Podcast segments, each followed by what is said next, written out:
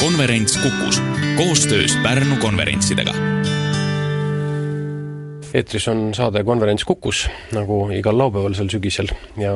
samamoodi nagu igal laupäeval räägime me nendest teemadest, mis äh, selle sügisesel Pärnu juhtimiskonverentsilgi jutuks. üldisemalt siis juhtimisest ja järelkasvust ja täna konkreetsemalt poliitilistest liidritest ja poliitikute järelkasvust. iga organisatsioon selleks, et edukas olla, peab endale meelitama paremaid töötajaid ja inimesi ja kõige raskem on ilma juhtideta toime tulla. ja kui me võtame riiki kui ühte organisatsiooni, siis riigil on vaja juhte ja riiki juhivad poliitikud. sel sügisel peab Pärnus ettekande psühholoog Aleksan-, Aleksander Pulver teemal poliitilise liidri lapsepõlvelugu. ja täna on Aleksander Pulver siin stuudios ja temaga kaasa mõtlema ja kaasa rääkima olen kutsunud teise psühholoogi, kes on ühtlasi ka poliitik, professor Peeter Tulviste. et äh, räägiksime kõigepealt sellest, äh, mis need liidrid siis on ja kas meil on alust arvata, et poliitilised liidrid on teistsugused kui, kui muud liidrid? eks sellega olegi nii, et mm, on võimalik ühte kui teist öelda nii selle poolt, et on erinevad ja selle poolt, et ei ole erinevad. ja paraku on asjaolud olnud sellised, et enamasti on jutuajamine jäänud New York Timesi eh, tasemele, et keegi ütleb, et, et on sellised omadused, siis loetleb üles ja kui vastav eh, poliitiline erakond on siis võimul, siis välditakse selle erakonna kohta ütlemisi, et, et seal seda ei ole, ja, ja tulemuseks on siis mõneti akadeemilises maailmas väike probleem, et äh, nende loetelude põhjal võiks olla siis järeldus selline, et mida kõike poliitiliste liidrite omaduste hulka ei loeta. midagi alates siis sellest, et aktiivne, lõpetades ülimoraalsusega ja, ja, ja kui nüüd vaadata poliitiliste liidrite, noh mõeldud on eelkõige ikkagi selliseid poliitilisi liidreid, kes juhivad riiki kui vaadata nende omaduste loetelu ja võrrelda seda, mis on tavaliselt organisatsiooni liidrite mm, vajaliku, vajalikkuse mõttes esitatud, siis eh, see erineb nagu öö ja päev. ja nimelt erineb selle poolest, et kui poliitilistele liidritele omistatakse sellised karismaatilised iseloomujooned, et veenab, omab visiooni, eh, mõtleb globaalselt, siis eh, konkreetsete organisatsioonide juhtide ja liidrite jaoks on pigem nagu olulisemad äh, mõneti konkreetsemad asjad, oskus lahendada probleeme, oskus mõelda strateegiliselt, oskus äh, äh, inimesi motiveerida ja, ja seda tüüpi asjad ja aga noh, visiooni olemasolu siiski esimese asjana on, on küll enamasti ka organisatsiooni liidrite puhul või õigemini, kui, kui nii rääkida, strateegilise ähm, mõtlemise või juhtimise osa on ju kõigepealt visioon, et, et arusaam sellest, kuhu, kuhu peaks lõpptulemusena jõudma. jah, seda küll, aga, aga poliitilise liidri visioon peab hõlmama äh, ilmselt mastaabis oluliselt suuremat äh, kas ajaloolist või, või ka siis tulevikuperspektiivi, kui seda on äh, konkreetsemate organisatsioonide liidritel, sellepärast et äh, selja taga ei ole mitte ainult üks konkreetne tegevusalade grupp, vaid selja taga on midagi enamat kui lihtsalt ainult majanduslikud näidud, selle taga on nii kultuurilised, moraalsed, eetilised ja nii edasi. et, et, et pigem võiks siis öelda niimoodi, et see erinevus ilmselt ei pruugi olla eh, poliitiliste liidrite ja, ja firmajuhtide Äh, vahel mitte niivõrd äh, kvalitatiivne, ehk siis teiste sõnadega, et on täiesti erinevad omadused, vaid pigem selles mastaabis ja, ja selles ulatuses, millega need, need omadused peavad siis oma nii-öelda rinda pistma konkreetses tegevuses. ja roll on ju ka mõnevõrra erinev, sellepärast et kui firma juhtimisel äh, kui firmal läheb hästi, siis üldiselt läheb sellel juhil ka hästi ja need asjad on omavahel seotud ja väga palju sõltub sellest, kuidas noh, kuidas lükkad, nõnda läheb, teiste sõnaga kehtib. See, poliitikas see ei pruugi tihtipeale üldse kehtida, sellepärast et kui su partei läheb mõnekümneks aastaks opositsiooni, nagu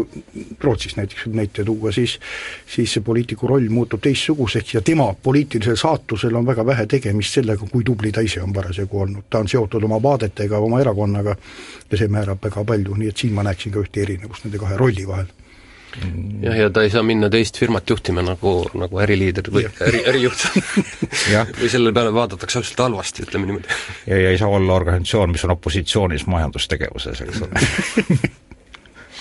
üks huvitav ähm, tähelepanek, mida ma ei tea, et Peeter, sina oled ju uurinud äh, keele ja mõtlemise seoseid, et et see, et meil eesti keeles ei, ikkagi me räägime nagu võõrsõnaga või laensõnaga sellest liidrist, et et kas, kas sellele võiks nagu tähendust, tähenduslikkust omistada, et kas see, kas see mõiste kuidagi eesti meeles on siis äh, vähetähenduslik, et meil oma head sõna ei ole? Selle kohta? meil ju kasutatakse juht ka, ma ütleksin, et sakslased on palju hullemas olukorras, sellepärast et kasutada sõna Führer selles mm. tähenduses, sellega tekivad väga suured probleemid, nii et nendega võrreldes me oleme paremas olukorras, aga tõenäoliselt seda vahet tehaksegi niimoodi, et see juht oli välja kujunenud tegeliku elu kontekstis, aga see liidri mõiste ilmselt on tulnud sisse vastava kirjandusega ja ja vastavate teadustega, ma usun, nii et et, et nojah, aga see kirjandus just, just sellest põhiliselt räägibki, et et, et liider on juhist kvalitatiivselt erinev, et juht, kui me juhtimist määratleme kui asjade planeerimist, korraldamist, kontrollimist, siis, siis liidri tegevust määratleme just niisugustes terminites, mida siin Aleksander enne kasutas, et eestvedamine või motiveerimine, toetamine, innustamine. et, et üks on noh, nagu selline kõva ja teine on pehme pool, et loomulikult ühes, ühes organisatsiooni juhtimises on nad mõlemad olemas ja ilma teiseta ei saa. aga mida kaasaegsetes organisatsioonides räägitakse järjest rohkem seda, et et enam ei saa ainult juhtimisega, et, et vanasti veel sai, kui oli tõesti üks juht ja sada töölist, siis, siis öeldi, mida teha ja kõik, ja kõik muu oli keelatud, kui see, mis, mis kästi teha. siis nüüd on, on pigem vastupidi, et, et öeldakse ainult see suund, kuhu on vaja jõuda ja püütakse leida niisugused inimesed, kes oma pea tööle panevad selleks, et mõelda, kuidas sinna kõige parem oleks jõuda. ja selleks on vaja just liidri omadusi rohkem kui neid juhtimise omadusi, et juhtimise omadustega võib või selle, ütleme, kontrollimise ja planeerimisega liialdades võib äh, pigem mitte seda saavutada, mida vaja oleks tänapäeval. kui sa seostad juhti selles kitsas tähenduses pigem sellega, mis ta roll minevikus oli, eks ole mm., või väikestes organisatsioonides praegu, ja liidrit sellega, kuidas ta praegu on ja tulevikus peab olema, siis on ka kaunis loomulik, et see vana oma sõna juht, mis meil on, seostub selle esimese rolliga ja, ja see sõna liider, meil ei saagi selle uue asja, asja jaoks, või me peaksime siis meelega välja mõtlema sõna selleks, et, et tähistada seda, mida me tavaliselt peame liidri all silmas, siis kui me teeme vahet juhi ja liidri vahel. No ma olen ise mõelnud, et kõige, kõige lähedasem sõna selle, selle, selle ingliskeelse liideri mm, äh, väljendamiseks eesti keeles oleks võib-olla eestvedaja aga, aga see on kuidagi kohmakas ja niisugune ebamugav sõna, et tegelikult liider kõlab nagu ikkagi mugavamalt mm. -hmm. sest siis see assotsieerub ka kohe sellega, et ka tagantlükkaja et eh, aga ma ju tuletan meelde üht väga terast tähelepanekut, nimelt ähm, on, on psühholooge, kes on väitnud näiteks sellist asja, et, et vene keeles vlast ehk võim tähistab ühte, ühtemoodi nii autoriteeti kui ka võimu selles eh, juhtimise mõttes. ehk siis eh, nende, see oli sellises kontekstis, et oli küsimus, et hea küll, et me siin angloameerika kultuuris räägime erinevatest ülesannetest ja rollidest, aga milliseid järeldusi te teeksite kultuurist, kus nii võim kui ka, kui ka see imidž või siis see kuvand, mida tuleks austada, on üks ja seesama, ehk siis autoriteet saab olla ainult inimene, kes omab võimu, erinevalt erinevalt lääne kultuurist, kus võib olla autoriteet, kes on seesama karismaatiline liider, kellel ei ole üldse võimu, kes on näiteks opositsioonis, aga ometi ta, ta juhib ja motiveerib väga suuri sotsiaalseid liikumisi. et äh, selles mõttes on väga, väga õige see küsimus, et äh, ühes või teises keeles või ühes või teises kultuuris äh, see, kuidas me tähistame seda rolli, see peegeldab tegelikult midagi olulisemat kui ainult lihtsalt filoloogiline probleem Venemaal ei ole kunagi olnud sellist ühiskonna poliitilist organisatsiooni, et, et seal oleks võimalik opositsioon. see, seda lihtsalt ei saa, vožd ongi see ekspertvõimul on, eks ju. nii et ikkagi siis see, et meil, meil head eesti sõna ei ole, see, see viitab sellele, nagu sa, Peeter, ka ütlesid, et et me ei ole, me ei olegi saanud seda mõistet endal väga välja arendada, et meil on olnud niisugune vana, vana juhtimise paradigma seni, seni valdav. jah, iseenesest rahvajuht on vahel öeldud, eks ole, see on vana, vanem väljendus Jakobsoni kohta. aga mis on, mis on ju ka huvitav, et kui verbina saab juhtimine kasutada, siis liidri puhul asi läheb natukene karmiks nojah, seal ongi just see, eh, mina olen tõlkides või tõlketekste toimetades sellega vaevelnud, et siis ma olen kirjutanud liidri käitumine või siis eestvedamine, mis on, kui ta konteksti on sobinud.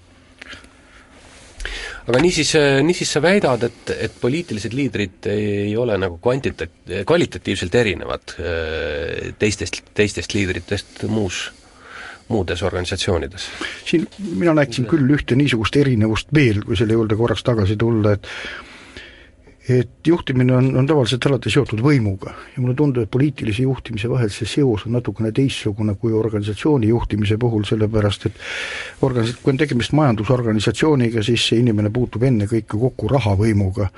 aga, aga poliitiline võim on, on midagi hoopis teistsugust kui, kui, kui rahavõim. Ja ma arvan, et, et see on lausa asi, mis võib seostuda nende, isegi selle inimtüübiga, mis sobib ühte või teise rolli, see, kes sobib poliitiliseks juhiks, ei pea tingimata sobima juhiks selles kitsas mõttes ja, ja vastupidi aga kas sa natuke seletaks lahti, et mida see, mida sa mõtled raha, rahavõimu all või et mm, avalik võim on, on, on noh, see, mis käib poliitikuga kaasas, eks ole, tal on võimalus niisuguseid protsesse suures ühiskonnas kui tervikus mõjutada, eks ole, ja, ja see käib kindlasti, avalik on see peale muu selles mõttes, et, et teda tuntakse kui selle idee eestvedajat või nende asjade tegijat või läbiviijat, eks ole. aga majandusorganisatsioonis või ka ma ei tea, kirikus või mis tahes organisatsioonis, paljudes teistes võib ette kujutada niisugust inimest, inimest, kellel on väga suur võim selles organisatsioonis, aga see samal ajal ei ole avalik võim. Tähendab, ta ei, ta ise ei paista selle võimu juures kuidagi silma ja sellepärast tema vastutus on ka teistsugune, kui on sellel isikul, kes, kes kehastab poliitilist võimu või teostab poliitilist võimu. Hmm.. kas, kas siin on äkki, äkki lihtsam niimoodi võib-olla sellele asjale läheneda, et, et see võim iseenesest, et kui tema tähendus on näiteks selles, et ta on, on mõjutaja ja, ja, ja võib-olla ka variant, kus võim seisneb sõltuvuses, ehk siis mitte, mitte sellel, kel on võimu, vaid temast sõltutakse. et, et kui nii võtta, siis me saame ju selle, et majanduslik võim on suuresti üles ehitatudki ju mitte sellele, et sa veenad kedagi, seal on väga selge hierarhiline sõltuvus aga, aga see, mis on nagu seotud selliste eh, kas sotsiaalsete liikumiste või, või avaliku sektori eh, liidri või juhiga,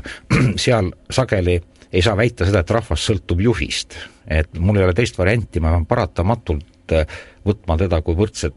partnerit, keda ma veenan, selgitan, et mul ei ole nagu võimalik kasutada seda, et et rahvas on vallandatud sellest päevast, kuna ta ei täida neid rolle, mida ma eh, olen eh, ette kujutanud, et peaks olema. et iseenesest see lihtsalt ütleb meile, et selle võimu nii-öelda tähendus on ka erinev selles mõttes nii, nii poliitilises maastik, poliitilisel maastikul kui ka siis konkreetsete organisatsioonide firmajuhtidel. ma, ma tahaksin küll öelda, et minu arvates sa kaldud siin üle hindama siin firmajuhi võimalusi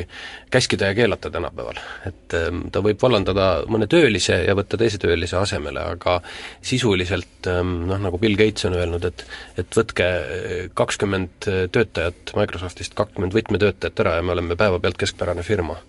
et, et see on see tänapäeva reaalsus, et, et tegelikult ei ole tippjuhil enam midagi käskida. tal on ainult võimalik teisi veenda ja innustada kui, kui me nõus. räägime kõige väärtuslikumatest inimestest, nendest, kellest sõltub võib-olla kaheksakümmend, üheksakümmend protsenti firma edust, siis äh, seal ei ole hierarhilist suhet enam mm. -hmm. ei no ma lihtsalt viitan sellele, et äh, ühes on nagu sel-, selgelt eristatav struktuur, sest paratamatult ülesanne, mida lahendatakse, seal on piiritletud, suhteliselt selgelt ülesanded, aga näiteks poliitilisel liidril ähm, ei ole, ei ole ametijuhendit mm mismoodi ta peab seda või teist täitma, täpsemalt öeldes ta ongi määramatu ja amorfne, sest et vastavalt olukorrale sõnastab ta iseendale ülesanded. ehk, ehk noh, pigem, äh, pigem, pigem on poliitilise liidri sellise äh, sellise omaduste juures just nimelt see paindlikkus oluline, et ta saab võtta nii seda kui teist rolli, mis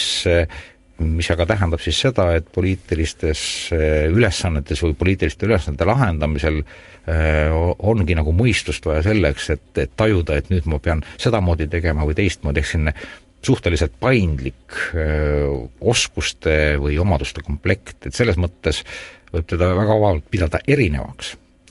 aga noh, asja tuum ongi selles, et, et see, kuhu selle piiri tõmmata, see on ilmselt juhid itsitavad, kuuldes seda juttu, sellepärast et igalühel on ettekujutus, milli-, milline peab olema tema roll ja poliitilistest liidritest rääkimata, ehk siis me saamegi pildi, et, et kui me tahaksime näiteks teha mingisuguse klassifikaatori või siis jaotada inimesed tüüpidesse, öelda, et ahah, et sinust sobib poliitiline liider, sinust ei saa. et et, et nagu, nagu seda ülesannet on vist neetult raske, raske teha, sest see paindlikkus eeldabki, et ta võib täita väga erinevaid rolle ja ülesandeid. Tuleks korra selle juurde tagasi, meil oli juttu sellest, et poliitika on, on tugevamini oma organisatsiooniga seotud ja näiteks oli, oli erakond, eks ole, et isegi kui seda on võimalik vahetada, siis enamikul juhtudel seda peetakse halvaks tooniks. tegelikult on siin palju hullem takistus, on see, et poliitik reeglina saab tegutseda oma riigis eks ole, tänapäeva globaliseerunud maailmas oh. majandusjuht võib minna kuhu tahes, läheb maailma tagapoolele ja, ja tegutseb seal edasi. aga kui see, kes Eestis peaministriks parasjagu ei saa, ta ei saa öelda, et ma lähen siis Lätisse, eks ole, või Austraaliasse mm, -hmm. nii et, et siin niisugune seos on ka veel ja ja see annab temale väga niisugused kitsad tegutsemispiirid ikkagi ette. tõsi küll, nüüd on olemas Euroopa Liit ja rahvusvahelised organisatsioonid, nii et et see asi on viimasel ajal muutunud maailmas. konverents Kukus koostöös Pärnu konverentsidega jätkame saadet ja räägime siis äh, Aleksander Pulveri ja Peeter Tulvistega äh, poliitilistest liidritest. Aleksander, sina lubasid sügisel, oktoobri teisel nädalal toimuval juhtimiskonverentsil rääkida sellest, et teadusuuringute andmetel on üsna palju sarnast leitud äh, erinevate poliitiliste liidrite päritolus ja lapsepõlves, et kust siis need poliitilised liidrid tulevad või mis need ühisjooned on? Mm, jah, eks kui mitte väga detailidesse langeda, siis selline traditsioon seletada, eh, kust midagi tuleb, on mõneti tänamatu, sest eh, see kõlab noh, nagu kokaraamat ja keegi ei julge nagu seda välja pakkuda. ja psühholoogiasse puutuvalt on nagu probleem selles, et kui muudes asjades on psühholoogia jõudnud suhteliselt ligidale teaduslikkuse ehk teaduse tegemise standarditele, siis siis asjad, mis puudutavad lapsepõlve, eriti mis on eh, juhtimise liidrite poliitiliste liidrite, sealhulgas lapsepõlve, siis see on selgelt jäänud ähm, sellisesse ettekujutusse, et et tegemist on mingi traumaatiliste sündmustega, mis siis kujundavad välja kas alaväärsuse või kättemaksu ja siis temast saab suur juht ja õpetaja. et, ähm, et see, mida nüüd nagu võtta on äh, vastuseks küsimusele, kust nad siis tulevad, siin võib siis raporteerida psühholoogia saavutusi järgmistes valdades. et esiteks, kõige skandaalsem ettekujutus on olnud selles, et esimesena sündinud või üksiklapsed on ebaproportsionaalselt äh, suures koguses esindatud poliitilises ladvikus. ehk teiste sõnadega, äh, vanemad vennad-õed või üksiklapsed on siis need, kes suure tõenäosusega liiguvad sellesse süsteemi ja saavad liidriks või juhiks ja selle taga on veel teine lause või teine idee, et need, kes on teisena sündinud ja järgnevatena, et need on reeglina need, kes püüavad sedasama süsteemi lammutada, ehk eh, revolutsionäärid, eh, opositsionäärid ja kõik sellised näärid, kes, eh, kes nagu tahavad lahti saada ja seda nähakse kui mudelit, mis kantakse lapsepõlvest üle suurde maailma, ehk siis nooremad õed ja vennad peavad võitlema oma ellujäämise jutumärkides huvides selle türanniga, kes on siis, läheb seda süsteemi kindlustama ja vastukaaluks siis järgnevad õed ja vennad püüavad siis vastupidist teha. et, et see on nagu üks selline teema, mida hirmsasti räägitakse, siit ka siis järeldus, et eh, suure tõenäosusega on poliitiliselt väga tugevad kas, ja see on korratud muideks seda teadmist ja tulemust Euroopa erinevates kultuurides, et suure tõenäosusega esimesena sündinud Äh, lapsed on äh, või ainsad lapsed on siis need, kes võivad siis seda, äh, seda suurt juhi rolli nagu täita. ja muideks, mis on ka huvitav, on siis see, et et kui me nüüd küsime, et aga mis, mis siis selles, sellel esimesel lapsel nii väga erilist on, siis lisaks kõigele muule, mida võib-olla ei tohigi nii väga rääkida, arvates isiksuse omadustest, on tal ka üks erakordselt ebameeldiv omadus, tal on nimelt kõige kõrgem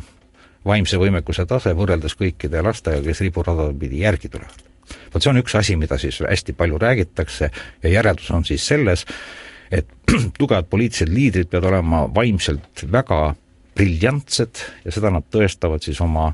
lapsepõlves liidri rollidega, ehk siis juhi rollidega, nad võtavad omaealistes eas selliseid juhtimisfunktsioone sõna otseses mõttes. ja teine teema, mis on poliitilise liidri jaoks väga oluline, on siis eh, teema, mis ütleb, et, et ju siis on eh, selles lapsepõlve keskkonnas eh, midagi niisugust, mis kujundab välja teatud omadused, mis on suure tõenäosusega vajalikud, et saada äh, kas rahvaliikumise või sotsiaalse liikumise või, või riigi ametliku struktuuri juhiks. ja nimelt see omadus on mõneti ebameeldiv, sest lääne kultuuris on suuresti edukad need liidrid, kellel on eh, kõrgem kui tavaliselt võimuvajadus, eh, kellel on kalduvus Äh, olla vähem empaatiline, ehk siis vähem kaasaelav, vähem inimesi arvestav, ja see, mis teeb eriti tigedaks lugejad, on, on, on siis valdkond, mille, mida nimetatakse nii-öelda tume pool, tume isiksuse pool. Ja need on siis need asjad, mis on nagu näiteks makiavellilikkus, ehk siis äh, ilma igasuguse süü- ja häbitundeta rääkimine asjadest, mida tegelikult ei ole. Aga see on selleks, et antud mingit olulist poliitilist ülesannet lahendada, eh, mis tähendab sisuliselt manipuleerimisoskusi, eh, suhtlemisoskusi ja, ja seda tüüpi omadused kujunevad välja kodukeskkonnas, milles on tavaliselt kõrged standardid, ehk siis kõr-, kõrged nõuded, kuidas, mida sa pead elus saavutama äh,, ja teistpidi ka see suhe, mis on vanemate ja laste vahel, on, on siis selline lähedane, ehk siis partneri põhimõttel. ja see annab siis kokku sellise tulemuse, et see on väga enesekindlad ja väga kõrge enesehinnanguga inimesed. Noh, kas see nii on, on juba iseasi, aga selline, selline ühine, ühine joon sealt läbi tuleb ja kui nüüd veel lisada kolmas teema, mis on ülipopulaarne, reeglina siis Eh, Hitleri ja Stalini näited, keda on siis analüüsitud läbi noh, ma ei tea, lapsepõlves vist tunni kaupa, mida nad tegid või mida nad ei teinud, siis selle kohta on hästi palju teada. ja kui nüüd sellele mustrile lisada juurde veel mingeid pikantseid detaile nagu vägivaldsus vanemate poolt või siis eh, asi, mis kujundab välja teatud haiguslikkuse ehk isiksuse häire, no näiteks eh, kus on vastuolulised vanemate poolt antavad nõuded, et siis, siis, siis tekivad juba türanni tüüpi sellised omadused ja, ja nendel pole sellise poliitilise liidri mõttes eh, nagu, nagu seda, mida me tahame lääne kultuuris näha, et ta nagu eh, on kollektiivse või siis rahva eest tegev, siis need on inimesed, kes lahendavad oma probleemi, sattudes võimu juurde. et need kolm sellist teemat on, on läbivalt olnud Äh, liidrite analüüsides ja, ja tulemused, mis siis nagu ka kahe esimese punkti puhul viitavad, et on mingid kas suhete asjad teistmoodi äh, või on siis isiksuse omadused teistmoodi ja see kolmas teema siis ennustab äh, käitumist, mis ei ole teps mitte väga meeldiv, sest et need on siis juba isiksushäiretega poliitilised liidrid, mis on tõeline õudus ja õnnetus siis sellele riigile, kelle etteotsa nad jõuavad hea meelega kommenteeriks seda esimest punkti. ma arvan, et siin üks mehhanism võib suhteliselt lihtne olla või üks põhjus, mispärast perekonna esimesi lapsi satub poliitikute sekka sagedamini kui, kui teisi või kolmandaid või, või ei tea mitmendaid. ja see põhjus võib olla lihtsalt selles, et et tihtipeale suure lapse, suurema lapse ülesandeks pannakse väiksemate kantseldamine, et ta nendega midagi teeks ja, ja ja kas ta tahab või ei, ta peab selle juhi rolli enda peale võtma, see on niisugune suhteliselt lihtne põhjus, ta ei pruugi kõige intelligentsem sugugi olla selleks, et seda teha. ja kui te nüüd korraks panete ennast sellesse rolli, siis sellest ei tule mitte midagi välja, kui te põhiliselt käite ümber nende väikeste vendade ja õdede ja keelate neid, eks ole, sellest tuleb midagi välja sel juhul, kui te ütlete, et teeme nüüd et räägite neile muinasjuttu või hakkate maja ehitama või mingi, seate nende ette mingisuguse suure eesmärgi ja hakkate seda tegevust korraldama, et igaüks sellest osa võtaks ja kõik oleksid õnnelikud selle juures, nii et ma näeksin, et see oleks võib-olla lihtsam viis või, või lihtsam väike niisugune eh, põhjus, mispärast ka esimese esimesel lapsel rohkem šanssi pärast hakata tervele rahvale rääkima suurtest eesmärkidest ja neid silmade ette maalima ja hoolitsema, et igaühel oleks mingi roll selles mm. -hmm. siin on ainult üks väike aga, mida teha üksiklastega? ehk teiste sõnadega, kuni kahe tuhande kolmanda aastani olid enamasti kõik autoriteedid nõus sellise seletusega ja tõepoolest see ongi nii, ta võtab vanema rolli ja seetõttu on tema vaimne areng ka kiirem. aga häda on selles, et kui võtta ainult üksiklastega, et siis see mudel ei tööta, sellepärast et tal ei ole kedagi kantseldada. veelgi enam, kõikide mm, selliste noh, juba Alfred Adlerist alates uurijate jaoks on nagu selge, et üksik, üksiklaps on egoist, neurootiline, ehk siis inimene, kes kogu aeg kardab midagi ja nii edasi, et ta, ta nagu väga hästi ei sobi sellesse skeemi. ja, ja, ja selles mõttes Äh, on äh, pigem nagu pakutud välja sellist seletust, et mitte see roll ei ole tähtis, vaid see, et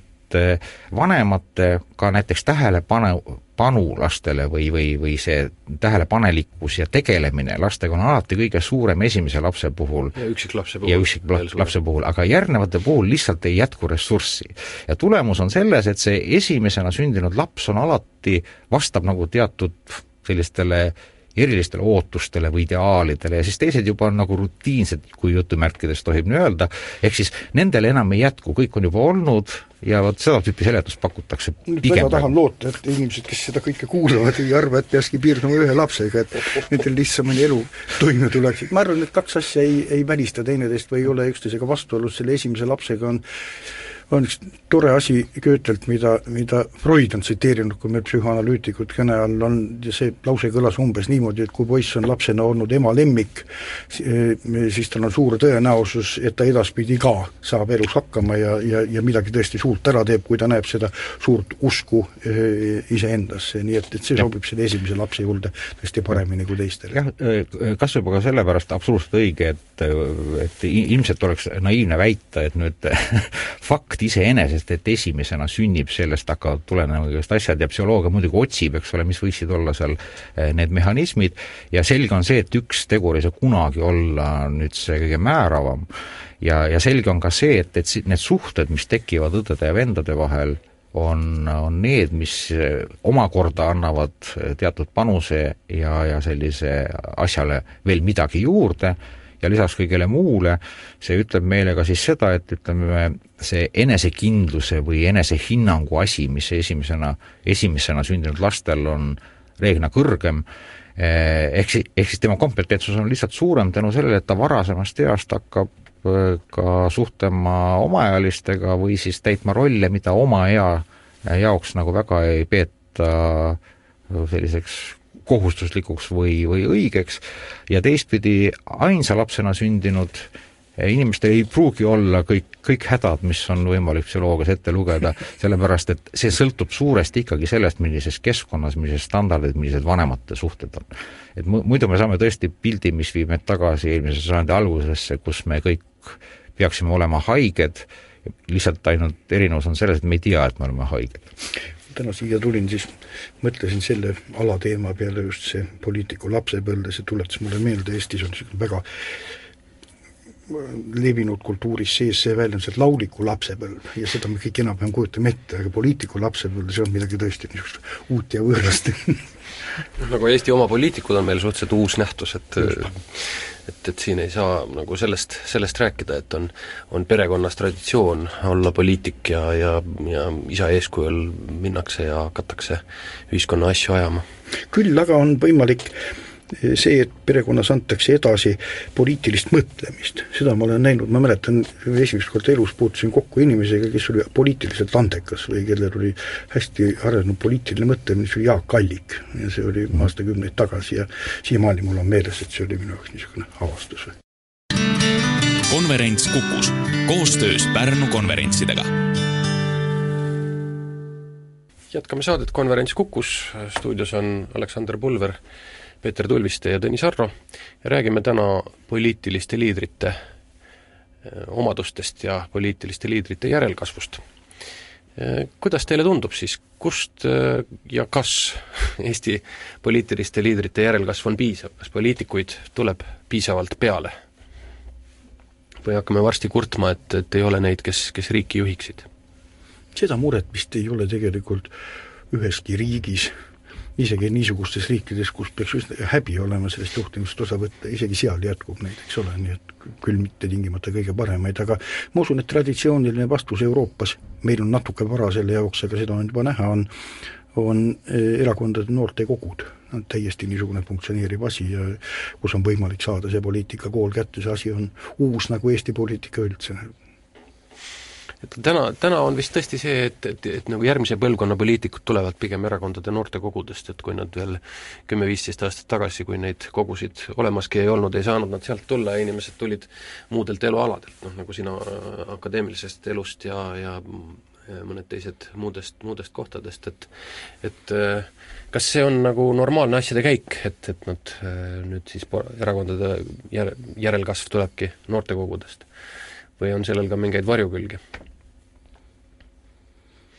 Küllap seal õpitakse poliitikat nii heas kui halvas muidugi, selles mõttes võib siin ka varjukülgi näha, aga aga kui neil korralik kool on ja kui, kui see ei ole mitte lihtsalt niisugune abitööjõud, keda kasutatakse valimistel või veel kuskil, vaid kui peetakse silmas ka tõesti koolitamist ja harimist selle juures, siis saab, saab suunata, et, et rohkem, rohkem head ja, ja samal ajal teada, kuida-, mis on need asjad, mida maksaks vältida. no iseenesest on ju vist Eh, kosutav mõelda niimoodi, et eh, et alati on olemas igal ajahetkel ja igal ajaloohetkel inimesi,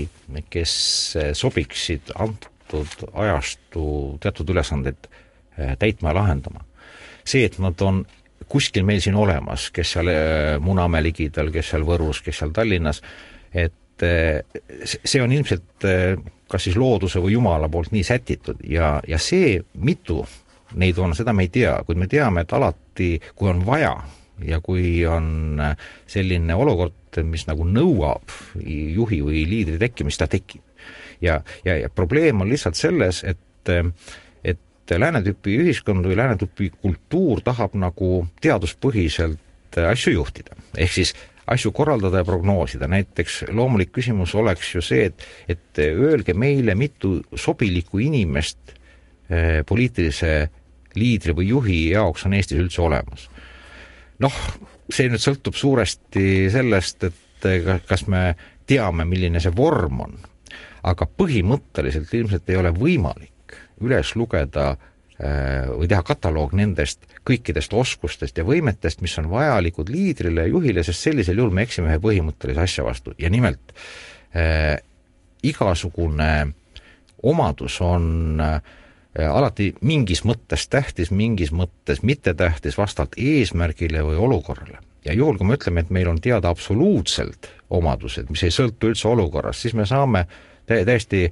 jabura olukorra, kus me kujutame ette, et riigi juhtimine või, või poliitilised otsused ei sõltu üldse sellest, millises riigis see toimub, veelgi enam, millisel ajastul see toimub. see, see oleks vist pehmelt öeldes mitte väga adekvaatne jutt kui me vaatame nüüd seda näiteks valimiskäitumist, eh, mis poliitiline psühholoogia teeb, siis ta näitab väga lihtsat asja, et et edukad on need poliitikud, kelle poolt rahvas hääletab, kes on prototüüpsed.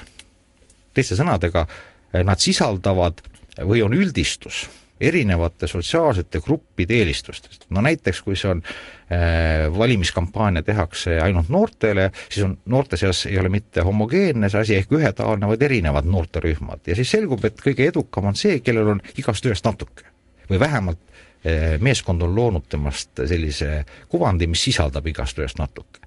et teiste sõnadega äh, seda tüüpi arutlustes me jõuame väga kiiresti tulemuseni, mis ütleb meile, et ilmselt võivad olla mingid kaasasündinud eeldused.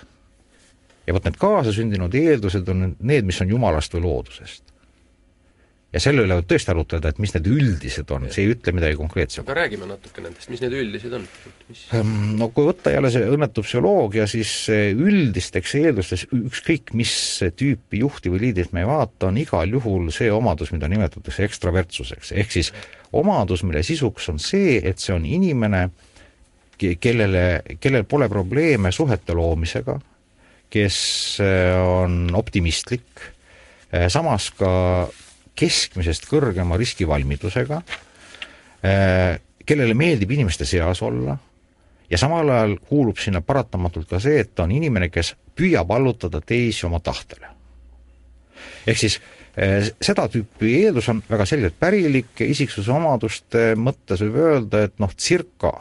mis ei ole ka väga ilus akadeemiline väide, circa pool sellest omadusest on päriliku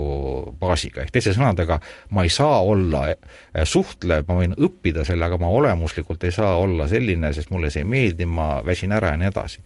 ja teine omadus on see, et eh, mis on ka pärilik, on päris kindlasti oluline on see emotsionaalne stabiilsus, sest eh, sõnaga neurootilisus tähistatakse inimest, kes on keskmisest kõrgema hirmude, ärevuse äh, astmega ehk eh, lihtsamas keeles öeldud, see on inimene, kes kogu aeg muretseb millegi pärast, et kuidas temasse suhtutakse, mis saab, mis ei saa, mis tulevikus saab, ehk siis ta elab pigem tuleviku hirmudes kui olevikus. ja kui see on madal, ehk siis emotsionaalselt eh, eh, inimene ei ole pessimistlik, ei tunne suuri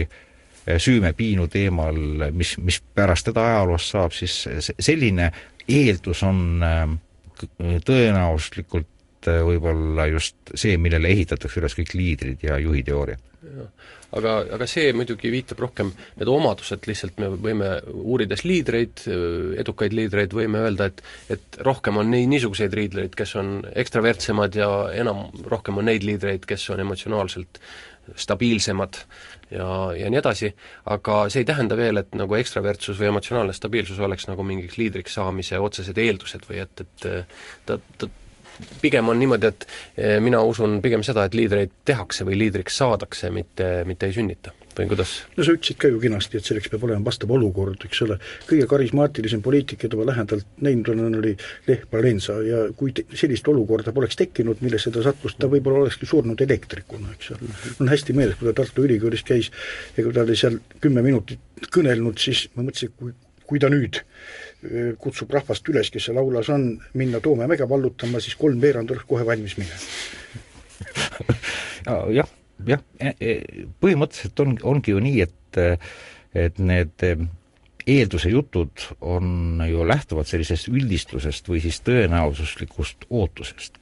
et eh, väga ilus on mõelda niimoodi, et on olemas mingisugused kalduvused, ehk siis noh, alus, kuid sellest ei järeldu, et ilma nendeta ei saaks, sest eh, üldiselt on ju ükskõik, mis ülesandega inimene enda ette ei seaks, tal on eh, N pluss üks erinevat viisi, kuidas ta selle ülesande lahendab. seesama neurootiline inimene võib teha selliseid ja teistsuguseid asju. küsimus on lihtsalt selles, et kõrge neurootilisusega inimesed on reeglina kõik, kes on äh, ajalooliselt teadaolevalt äh, diktaatori rollis olnud. ehk siis oht, et ta äh, võimule jõudes hakkab tegelema iseenda, mitte aga teistega, on lihtsalt suurem, see ei tähenda, et nii peaks juhtuma, aga tõenäosus on, on lihtsalt suurem ja absoluutselt õige, kõik järeldused tehakse tagantvaateliselt äh,, võetakse ette poliitikud ja siis öeldakse, et neil on need omadused. siit võiks teha niisuguse toreda järelduse, et kui sa oled neurootik ja tahad teha poliitilist karjääri, siis mõne, mine mõnesse riiki, kus on vaat-, väljavaateid diktatuurile, demokraatlikku riiki, Inglismaal ei ole sel juhul erilist mõtet minna, ma saan aru. jah, jah, sest äh, Äh, sest nii või teisiti me ei saa ka selle jutu põhjal vastata küsimusele, et ähm, noh, näiteks kui sotsioloogiline traditsioon võtta, siis öeldakse niimoodi, et rahvas ise lubas. no selline väide on küll väga tore, ainult mida see tähendab? täpselt samamoodi, nagu ei saa väita seda, et ma tulin ja tegin selle ja allutasin oma tahtele rahva ette, et me, me ei saa selliseid järeldusi ka nendest eelduste jutust põhimõtteliselt ju teha jah, no demokraatlikus traditsioonis on, kui me mõtleme selle neurotismile, et siis, ehm, siis mis on poliitiku pärisosa, on ju saada äh, kogu aeg väga palju kriitikat ja ja kui ajalehti lugedes jääb mulje, et poliitikud ei meeldi kellelegi, et on kõige halvemad inimesed, et äh, siis äh, emotsionaalselt ebastabiilne inimene seda kindlasti ei kannata välja ja et tal on võimalik ilmselt tõesti poliitikuna läbi lüüa ainult seal, kus, kus kriitika on piiratud või, või valitsejaid ei kritiseerita näiteks aga see teine, teine omadus, mida, mida sa mainisid, ekstravertsus omakorda eh, võimaldab eh, minu meelest koguda tähtsamat, kõige tähtsamat asja, mis poliitikul eh, või, või tegelikult ka muidugi äriliidril võimaldab edukas olla ja see on sotsiaalne kapital ehk võimal-, võimalikud võrgustikud ja, ja suhted, mis teda, mis teda toetavad. ja see oli see alguses, kuhu ma nagu natuke juht, juttu juhtisin või tahtsin juhtida selle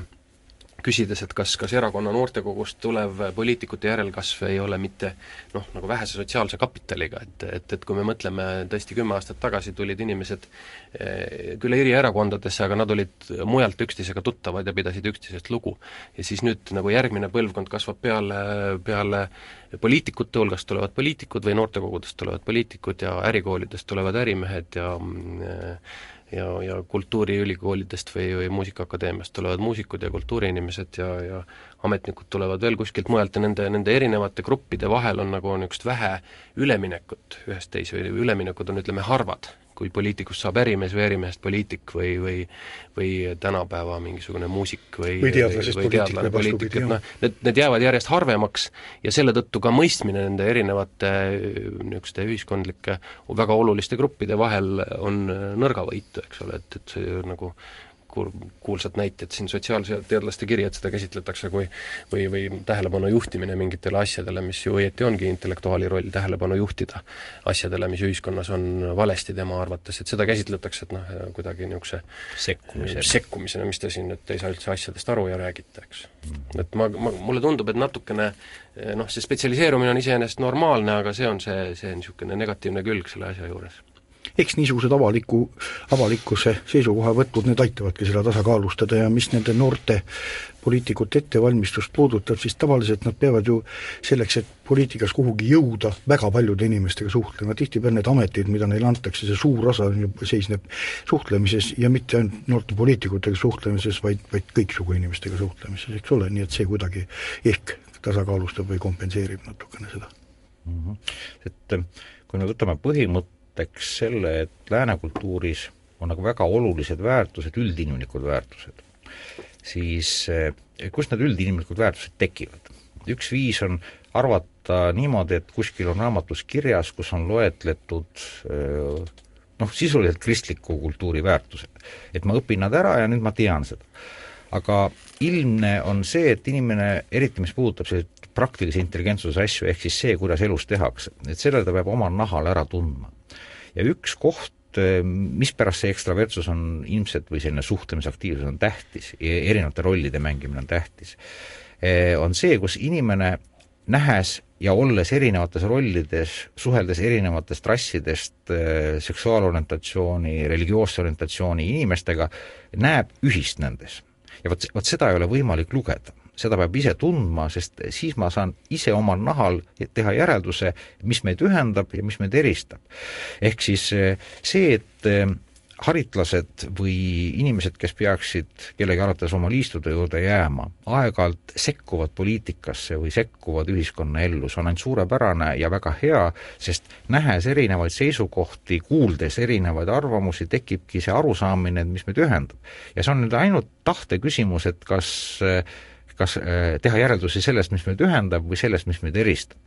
ja selge on ka see, et kui ühiskonnas on rohkem seda poolt, mis otsib ühendavat osa, sii-, siis see ühiskond äh, on toimekas, ta on võimeline kaua püsima, siis kui ta otsib eristavaid, siis läheb ilmselt äh, kohe lahti üha, üha suuremaks eristamiseks. ja, ja selles mõttes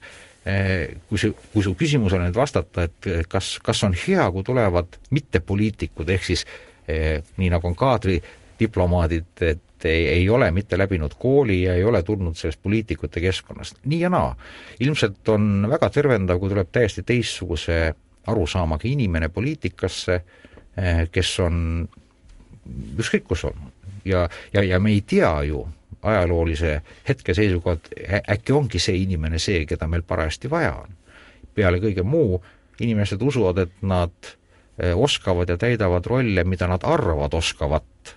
ja äkki selgub, et hoopis teised omadused, hoopis varjatud potentsiaal. aga, aga muideks sellesama ekstravertsuse jutu peale ennustused, mis on tehtud, näiteks eh, põhiline uurimisseltskond on Ameerika Ühendriikide presidendid ja tagantjärele on siis avalikustatud teatud ennustused, noh niivõrd-kuivõrd see ei kuulu siis luure või, või riikliku julgeoleku valdkonda.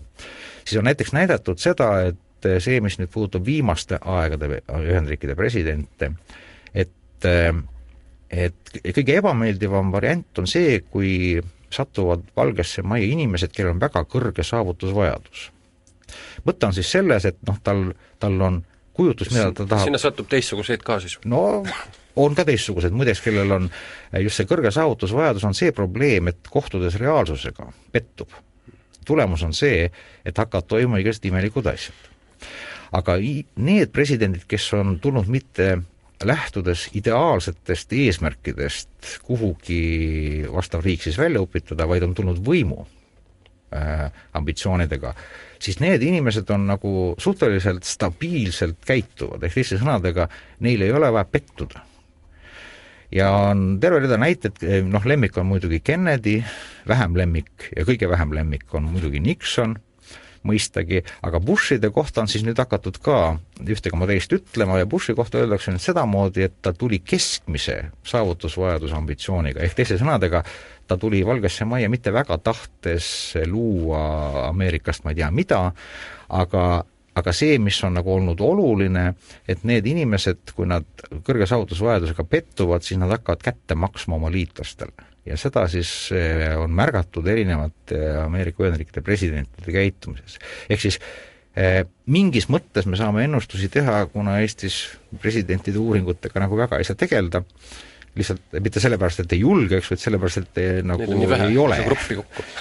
siis ilmselt seda tüüpi ennustusi ju võib teha, aga, aga nii nagu ikka, tuleb sellesse suhtuda terve mõistusega või talupojamõistusega, et ei maksa nüüd äh, teha sellest kokaretsepti raamatuid teemal, et ahah, näeme unenägusid, loeme tema kõnesid ja siis saame teada, et ta on selline ja siis sellest tuleneb nüüd see, seda me ka muidugi ei tohiks vist, vist teha perekond Bush oleks vist üks ideaalne uurimisobjekt, eks ole, siin oleks kogu see lapsepõlve situatsioon ka olemas, mis meil täna kõne all oli juba. jah, no õnneks või õnnetuseks on ju äh, on ju Ameerika Ühendriikide presidentide eh, elulugu ju niivõrd selgelt läbi kirjutatud, et, et et midagi võrreldavat kõrvale panna lihtsalt ei ole. ja, ja sellest johtuvalt on siis ka need raamatud, mida poliitikud avaldavad, väga tänuväärne materjal, isegi no kui nad sel hetkel, kui nad seda äh, lasevad trükki, ei kujuta ette, aga uurijate jaoks on see väga oluline info, ehk siis mida täpsem on nii lapsepõlve kui ka teatud meeleolude või teatud viiside kirjeldus, seda parem, sest näiteks üks viis, kuidas teada saada äh, võimuambitsioonidest, on, äh, analüüsitakse, mitu korda eitab vastav poliitiline liider teatud asju, ehk siis võimu näitab suuresti see, mida rohkem keegi poliitikutest ütleb, et ta ei ole nõus, see ei ole nii, ta ei arvanud, ehk siis seda tüüpi analüüse on hästi palju, kuigi suurem osa sellest koodtabelist, kuidas analüüsitakse, muidugi ei ole avalikustamisele kuuluv. kahju küll, meie jutt läheb väga huvitavaks, aga me peame hakkama otsi kokku tõmbama, et võib-olla lõpetuseks veel, mis, mis kellelgi jäi kripeldama või tahaks, tahaks lõpetuseks öelda ühe, ühe või kaks lauset selline ettepanek võtab kohe jalust maha um, ega ei pea ka ütlema, lihtsalt võimalus. mulle, mulle tundub, et et kui ma julgeksin mitte oma erialaste asjadega tegeleda ja öelda midagi niisugust, et need idealistid või need inimesed, kes olid, väljendasid oma aateid kümme-viisteist aastat tagasi, et neil ei ole põhimõtteline õigus loobuda sellest rollist, mida, mida nad näitasid meile eh, mitte väga kauges minevikus, sest eh, ilmselt on emotsionaalselt tähtis, et eh, poliitilised liidrid teadvustaksid oma rolli, sest inimeste jaoks on midagi väga olulist, kui on teada, et kuskil Eestimaa peal kõnnib selline inimene, kes on väljendanud midagi aatelist või midagi väga, väga põhimõttelist. noh, ma ei ei tahaks leppida sellega, et need inimesed kuskil Eestis ära on kadunud ja neid peab mööda põldu ja metsa taga otsima, ma arvan, et neid on, on lähemalgi ja, ja neid on Eesti poliitikas ka ikkagi tänase päevani olemas. aga ma mõtlen, et see tänane probleemiasetus, see päris algne probleem, see kust noh, poliitiku lapsepõlv, et kust need poliitikud tulevad, et see on noh, tõeliselt tore ja, ja arutamisväärne probleem ja tahaks ainult loota, et, et see, et esimesest lapsest sagedamini poliitik saab, ei, ei võta teistelt ja kolmandatelt julgust ära sedasama üritada ja, ja, ja sealsamas ka kohta leida, nii et vastasel korral me lebi, saaksime po-, niisuguse poliitika, kus on ainult koalitsioonid ja pole opositsioone ja see ei kõlbaks kuhugi. aitäh, eetris oli saade Konverents Kukus, kohtume kuulajatega järgmisel laupäeval, aitäh, stuudios olid Aleksander Pulver, Peeter Tulvist ja mina olen Tõnis Arro. konverents Kukus. Koostöös Pärnu konverentsidega